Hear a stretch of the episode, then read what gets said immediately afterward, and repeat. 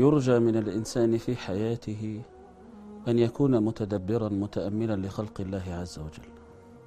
يتأمل السماوات والأرض والشمس والقمر والنجوم والكواكب ويغوص في نفسه ويوغل في دروب التدبر والتفكر. لكن كثير من الناس ينصرف عن آية الله العظيمة المشهودة ببعثة نبينا صلى الله عليه وعلى آله وصحبه وسلم. وعن التأمل في هذا القلب الذي اصطفاه رب العالمين لأعظم رسالاته وكتبه. وهذا يقتضي من الإنسان حضور قلبه بالإجلال والإكبار والتعظيم للنبي صلى الله عليه وعلى آله وصحبه وسلم. فإن الاعتقاد عند كل عاقل طالع سيرة النبي صلى الله عليه وعلى آله وصحبه وسلم سيكون أنه رسول الله صلى الله عليه وعلى آله وصحبه وسلم وأنه بذاته بحركاته وسكناته وقوله وفعله وعمله وغضبه ورضاه وحركة حياته كلها كان آية مشهودة بذاته على أنه رسول الله صلى الله عليه وعلى آله وصحبه وسلم وتلك آية أعظم من خلق الشمس والقمر. آية اصطفاء قلب نبينا صلى الله عليه وعلى آله وصحبه وسلم. وإذا كنا نعتقد أن القلب محل نظر الرب كما قال النبي صلى الله عليه وعلى آله وصحبه وسلم إن الله لا ينظر إلى صوركم ولا إلى أجسادكم ولكن ينظر إلى قلوبكم وإلى أعمالكم. فكيف بهذا القلب الأسمى والسراج الأعلى صلى الله عليه وعلى آله وصحبه وسلم. وكيف حظه من النور الإلهي العظيم؟ وكيف اصطفاؤه وتطهيره وتهيئته لكي يكون محلا لكلام الرب عز وجل؟ ولذلك عندما يجلس الإنسان تحت ظلال أجنحة هذه المعاني ينظر إلى النبي صلى الله عليه وعلى آله وصحبه وسلم نظرا آخر مفارقا ذلك النظر المعتاد. وينظر إلى قوله عز وجل نزل به الروح الأمين على قلبك ويقف عند هذه اللفظة أن يكون قلب النبي صلى الله عليه وعلى آله وصحبه وسلم هو الإناء الذي تلقى هذا الوحي العظيم. وكيف هيئ وصنع وكيف أهله رب العالمين سبحانه وبحمده لكي يكون محلا لهذا الوحي الأسمى والأعلى من رب العالمين سبحانه وبحمده. وقد ذكر سيدنا الإناء الذي ملئ علما سيدنا ابن مسعود رضي الله عنه. هذا الأمر الشريف فقال إن الله نظر في قلوب العالمين. فوجد أصفاها وأنقاها قلب محمد صلى الله عليه وعلى آله وصحبه وسلم فاصطفاه لرسالته. ثم نظر في قلوب العالمين فوجد أصفاها وأنقاها قلوب أصحابه فاصطفاهم لصحبته.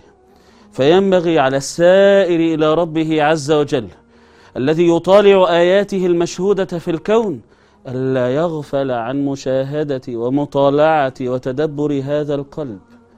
الذي هو محل نظر الرب والذي هو محل رضاه وحبه وإذا تهادى إلى سمع الإنسان وقلبه قول نبينا صلى الله عليه وعلى آله وصحبه وسلم إن الله إذا أحب عبدا نادى جبريل يا جبريل إني أحب فلانا فأحبه.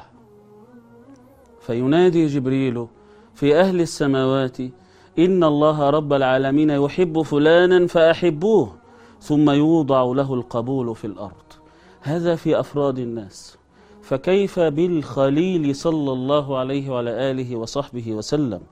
الذي اصطفاه رب العالمين اصطفاء خاصا. حتى إن أبا العباس بن تيمية رضوان الله عليه. وهو أبعد الناس في محاربة البدع والخرافات أكثرهم حظا من هذا يصحح معنى أن الله رب العالمين قد خلق الخلق والسماوات والأرض من أجل النبي صلى الله عليه وسلم بالمعنى الصحيح لا بالمعنى الخرافي المفارق للسنة. وهو أن النبي صلى الله عليه وعلى آله وصحبه وسلم إذا كان سيد ولد آدم صلى الله عليه وعلى آله وصحبه وسلم وإذا كان آدم هو آخر المخلوقات فقد خلقه رب العالمين سبحانه وبحمده يوم الجمعة بعد العصر فإذا كان صالح بني آدم أفضل من غيرهم فكيف بالذي قام بمقام العبودية وحلي بهذا النعت الشريف؟ في أكثر من موضع في كتاب الله عز وجل حتى كأنه هو التجلي الأعظم لمعنى العبودية في الخلق فكأنما يكون ذلك صحيحا وما خلقت الجن والإنس إلا ليعبدون وأعبدهم وأعظمهم قربا من ربه عز وجل هو النبي صلى الله عليه وعلى آله وصحبه وسلم. وقد قالها للصحابة كلهم أما إني أعلمكم بالله؟ وأشدكم له خشية. كل هذه الأسباب تحضرنا لتأمل قلب النبي صلى الله عليه وعلى آله وصحبه وسلم. حتى إذا عامل الإنسان وهذا الشرع يعامله معاملة مصبوغة بالنور.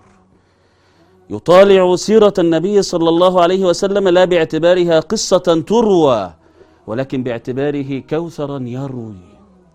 باعتباره كوثرا يغسل القلب فوالله ثم والله كل من طالع سيرته صلى الله عليه وعلى آله وصحبه وسلم وجد قلبا تدفق بحب ربه عز وجل وصبغ أفعاله وسكناته وحركاته كلها صلى الله عليه وعلى آله وصحبه وسلم. ولله در شيخ الإسلام الإمام تقي الدين السبقي رضوان الله عليه. كانت له لفتة عظيمة مباركة يقول فلينظر الإنسان في هذه الخلقة المباركة وفي هذا القلب الذي طهر ونقي. كيف يكون حظه من النور؟ والإنسان منا على ما فيه من الأدناس والنقائص. إذا عرضت له حال من الصفاء وجد أن الأكوان لا قيمة لها. وجد أنه في حال دونها الأكوان. فكيف بحال النبي صلى الله عليه وعلى آله وصحبه وسلم؟ وهو الذي نقي وطهر وصفي وخلص ليكون إنسان عين هذا الخلق كله. أن يكون النبي صلى الله عليه وعلى آله وصحبه وسلم هو الذي قام بعبودية الرب عز وجل. والقلب ملك الجوارح والأعضاء كما قال النبي صلى الله عليه وعلى آله وصحبه وسلم. ألا إن في الجسد مضغة. إذا صلحت صلح الجسد كله وإذا فسدت فسد الجسد كله ألا وهي القلب. وعندما تنظر إلى حاله صلى الله عليه وعلى آله وصحبه وسلم تجد أن قلبه ينطق بين يديك بحاله عليه صلوات الله وسلامه أنا عبد الله ورسوله. صلى الله عليه وعلى آله وصحبه وسلم. فيكون قلبه آية مشهودة دالة ناطقة بأفصح بيان على صدقه. لا أقول لك في موطن الحجاج والجدال والمنازعات والمناظرات بل قلبه بل هذه الخفقات تقوم آيات مشهودة على صدق سيدنا رسول الله صلى الله عليه وعلى آله وصحبه وسلم وعلى أن حياته كلها كانت ميدانا متنفسا بالحب. كان عبدا غلبه حب ربه سبحانه وبحمده.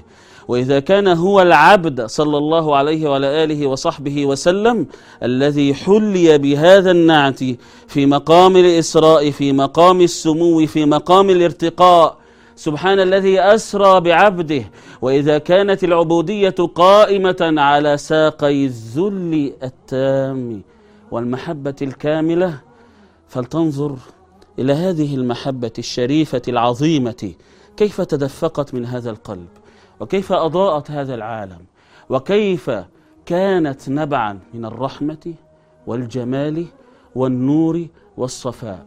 نعم قال رب العالمين في نعت سيدنا صلى الله عليه وعلى آله وصحبه وسلم قد جاءكم من الله نور وكتاب مبين. يقول شيخ المفسرين أبو جعفر بن جرير الطبري رضوان الله عليه النور هو سيدنا رسول الله صلى الله عليه وعلى آله وصحبه وسلم أضاء الله عز وجل به العالم بهداية الحق ورحمة الخلق.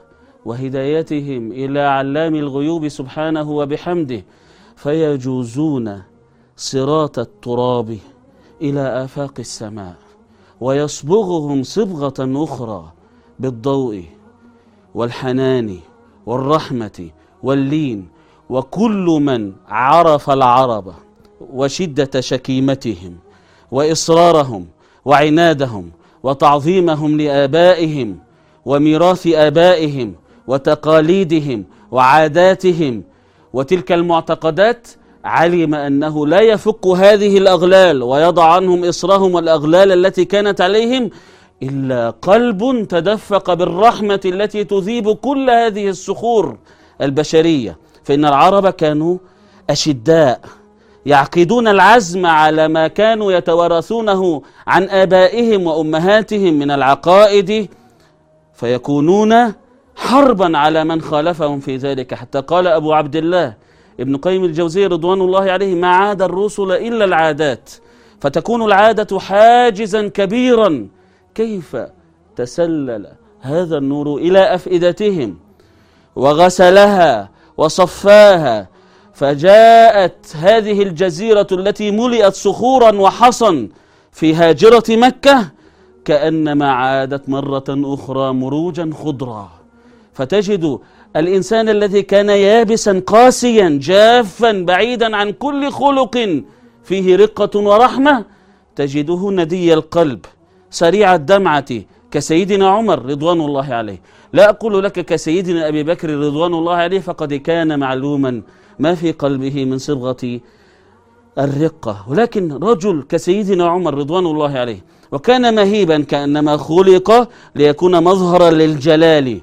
ومع ذلك كان عند ولايته الخلافة تمم الله عز وجل شدة هذا الإنسان بالرحمة كما قال أبو العباس رضوان الله عليه لما كان سيدنا أبو بكر رقيق القلب فولي الخلافة تمم الله له رقته بالحزم والشدة.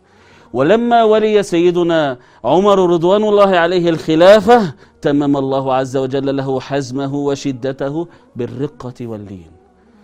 كيف تسلل هذا اللين؟ وكيف انساب هذا النور في هذه الأفئدة؟ لا يكون هذا إلا من قلب فاض نوره وكسى العالم كله. بأنواره ورحماته. ولا يحرك هذه القلوب إلا قلب موصول بعلام الغيوب سبحانه وبحمده. قلب غلبه حب ربه. فتجد هذا الحب متجليا بآثاره وأسراره وثماره في ضحكه في مزاحه في شأنه مع أهله في شأنه مع أحفاده في عبادته في حربه في غضبه في رضاه في ثنائه في معاملته الناس كلهم. تجد أن هذا رجل تنطق ملامحه وأفعاله بأبجدية الحب. وهذا هو الذي نحاول على ما في نفوسنا من الضعف وفي أمشاجنا من القصور والذنوب التي تحول بيننا وبين هذا المقام السامي. ولكن بين يدي الإنسان حداء سيدنا أنس رضوان الله عليه الذي قال ناطقا على لسانه ولسان الصحابة لما جاء رجل وهذا هؤلاء أناس ربوا على الحب كما سنرى لما جاء رجل ليسأل النبي صلى الله عليه وسلم عن شأن أخروي فقال يا رسول الله صلى الله عليه وسلم متى الساعة؟ فقال له النبي صلى الله عليه وسلم برحمته ولينه. لكي يعلقه بالغاية الأسمى. قال وماذا أعددت لها؟ فخشعت نفس الرجل وهكذا كان الصحابة. لم ينظر منتفخا بعمله. قال ما أعددت لها كثير صلاة ولا صيام ولكني أحب الله ورسوله. صلى الله عليه وسلم. فقال له النبي صلى الله عليه وسلم المرء مع من أحب. يقول سيدنا أنس كأنما يركم نشيدا بهيجا مفرحا يعبر عن الفرحة التي كست قلوب الصحابة. فقال فما فرحنا بشيء. فرحنا بقول النبي صلى الله عليه وسلم المرء مع من أحب. سبحان الله. ما فرح الصحابة لا بمال ولا بشيء من الدنيا ولا برياش ولا بمتاع ولا بفتح. وإنما هذا هو فرحهم. لأن النبي صلى الله عليه وسلم صاغهم صبغة الحب. وهذا كان نمطا جديدا في تاريخ البشرية لا سيما في هذه المنطقة التي غصت بصخورها أن النبي صلى الله عليه وسلم يربيهم تربية الحب. فكست الفرحة قلوبهم جميعا.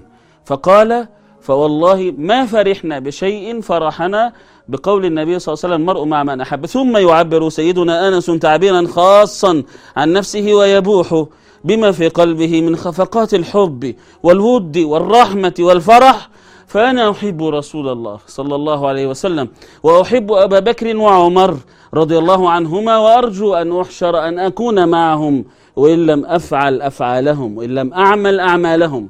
وكذا نحن نأخذ بزمام هذا الركب لنلحق قافلة الحب.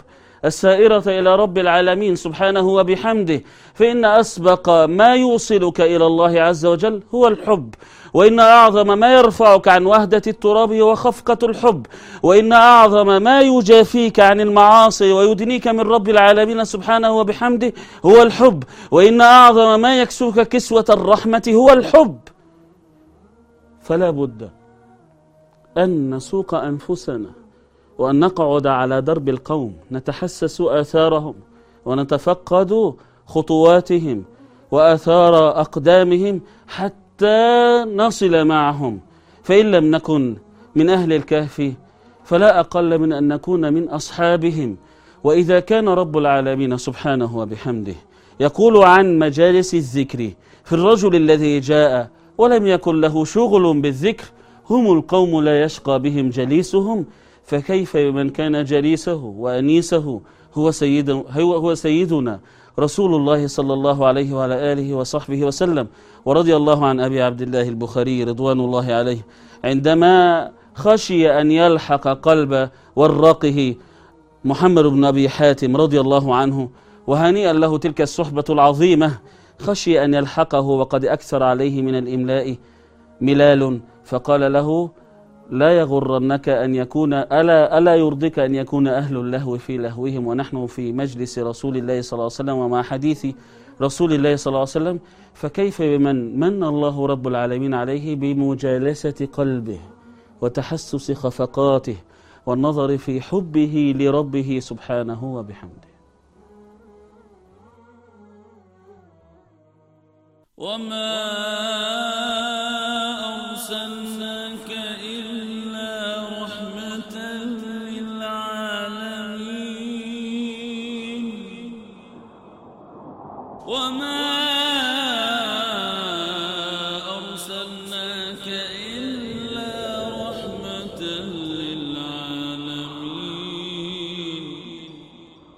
وما